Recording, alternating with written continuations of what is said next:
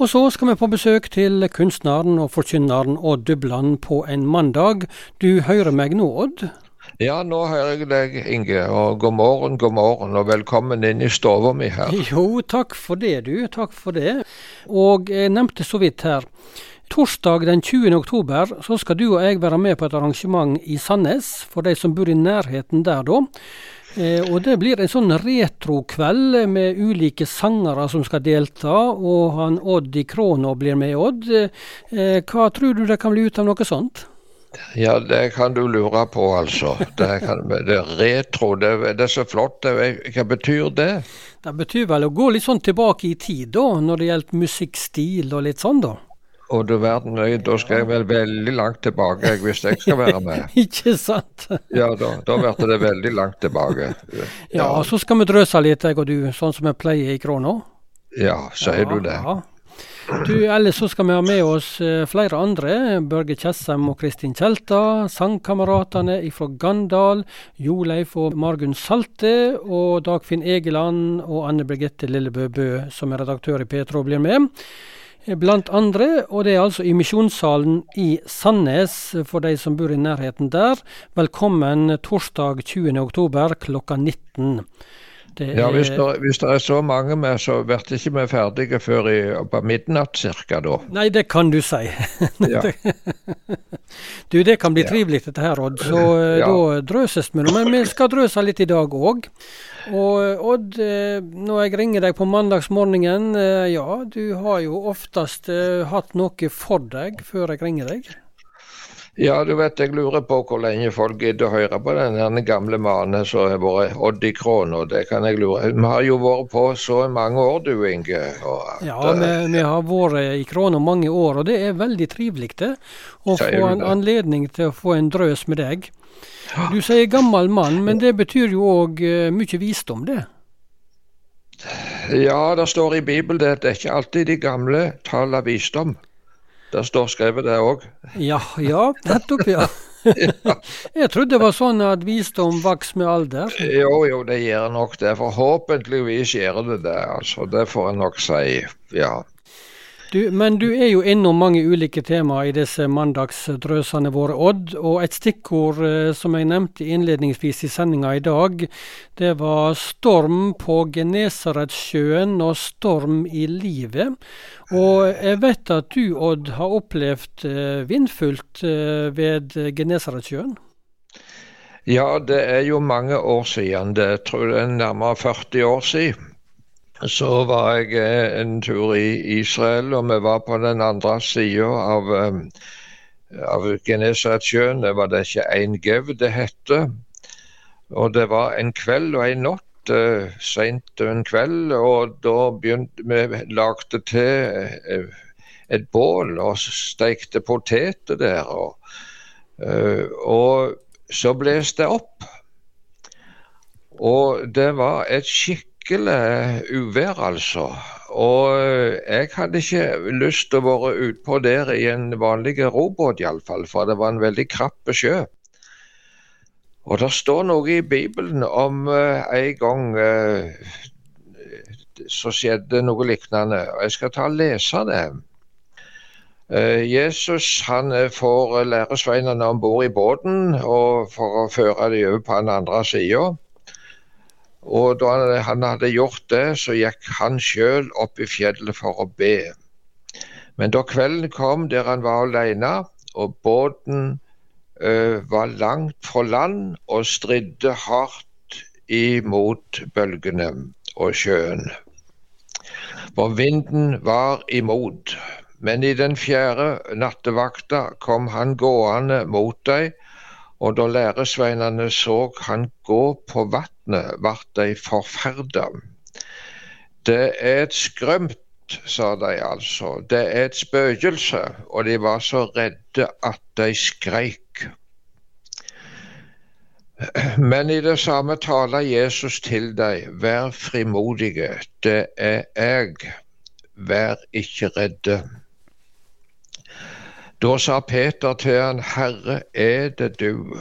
Så si meg at jeg skal komme til deg på vannet. Kom, sa Jesus, og Peter steg ut i båten og gikk på vannet bort til Jesus. Men da han så hvor hardt det bles, ble han redd og tok til å søkke. Herre, frels meg, ropte han. Med det samme rette Jesus ut hånda og greip han og sa, hvor lite tru du har, hvorfor tviler du? Så steg de opp i båten, og vinden la seg. Men de som var i båten, falt på kne for han og sa, Du er sannelig Guds sønn. Ja, slik står det skrevet, du Inge. Men eh, hva er grunnen, tror du, til at eh, denne historien her fra Genesaretsjøen står i Bibelen? Du vet at dette gjorde jo et utrolig inntrykk på Jesus sine venner, at de skulle få oppleve en person som vind og sjø lyer. Altså en som står så Altså han blir gjort til ett eh, med Gud som Guds ånd, og griper inn i naturkreftene. Så det var klart at dette var noe de aldri kom til å glemme. Ja. Og hva kan vi som lever i dag eh, lære av sånn, eh, et sånt møte, en sånn hending som dette her? Ja, nå er det slik at uh, vi er nå ikke på sjøen alle, men vi er likevel i ei tid som er urolige. Og på nyhetene så hører vi veldig mye dårlige nyheter. Og situasjonen i verden det er preget av én ting nemlig usikkerheten. Eh, vi har hatt gode tider, og kanskje hatt det meste for godt i forhold til mange andre land. Vi lever i verdenstoppen i levestandard, men plutselig så ser vi det at det er usikkerheten som rår. Jeg tenker f.eks. òg på krigen i Ukraina. Det ble sagt der at eh, det var ingen ateister blant de ukrainske soldatene. For livet var så skjørt. Det var så farlig og så mange tragedier at de måtte venne seg til Gud. Ateismen den trives best der det er behagelig. Det var en gang de spurte en gammel sjømann, det er mange år siden, det var i den tid det var seilskuter.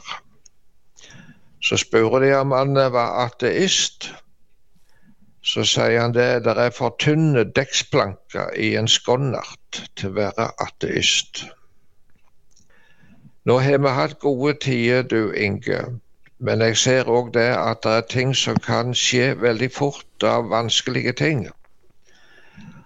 Og da er det spørsmål hvor skal vi gå med det? Ja, hvor skal vi gå med det? Ja. Hva vil du si da, Odd? Det er det, det at jeg har en frelser og en Gud som jeg kan kalle på i alt det som skjer. Enten det hvordan i verden livet blir, så har jeg en Gud jeg kan gå til. Og vi synger så fint i en sang hvilken venn vi har i Jesus alt han vet og alt formår. Tyngste byrde han oss letter, når i bønn til han vi går.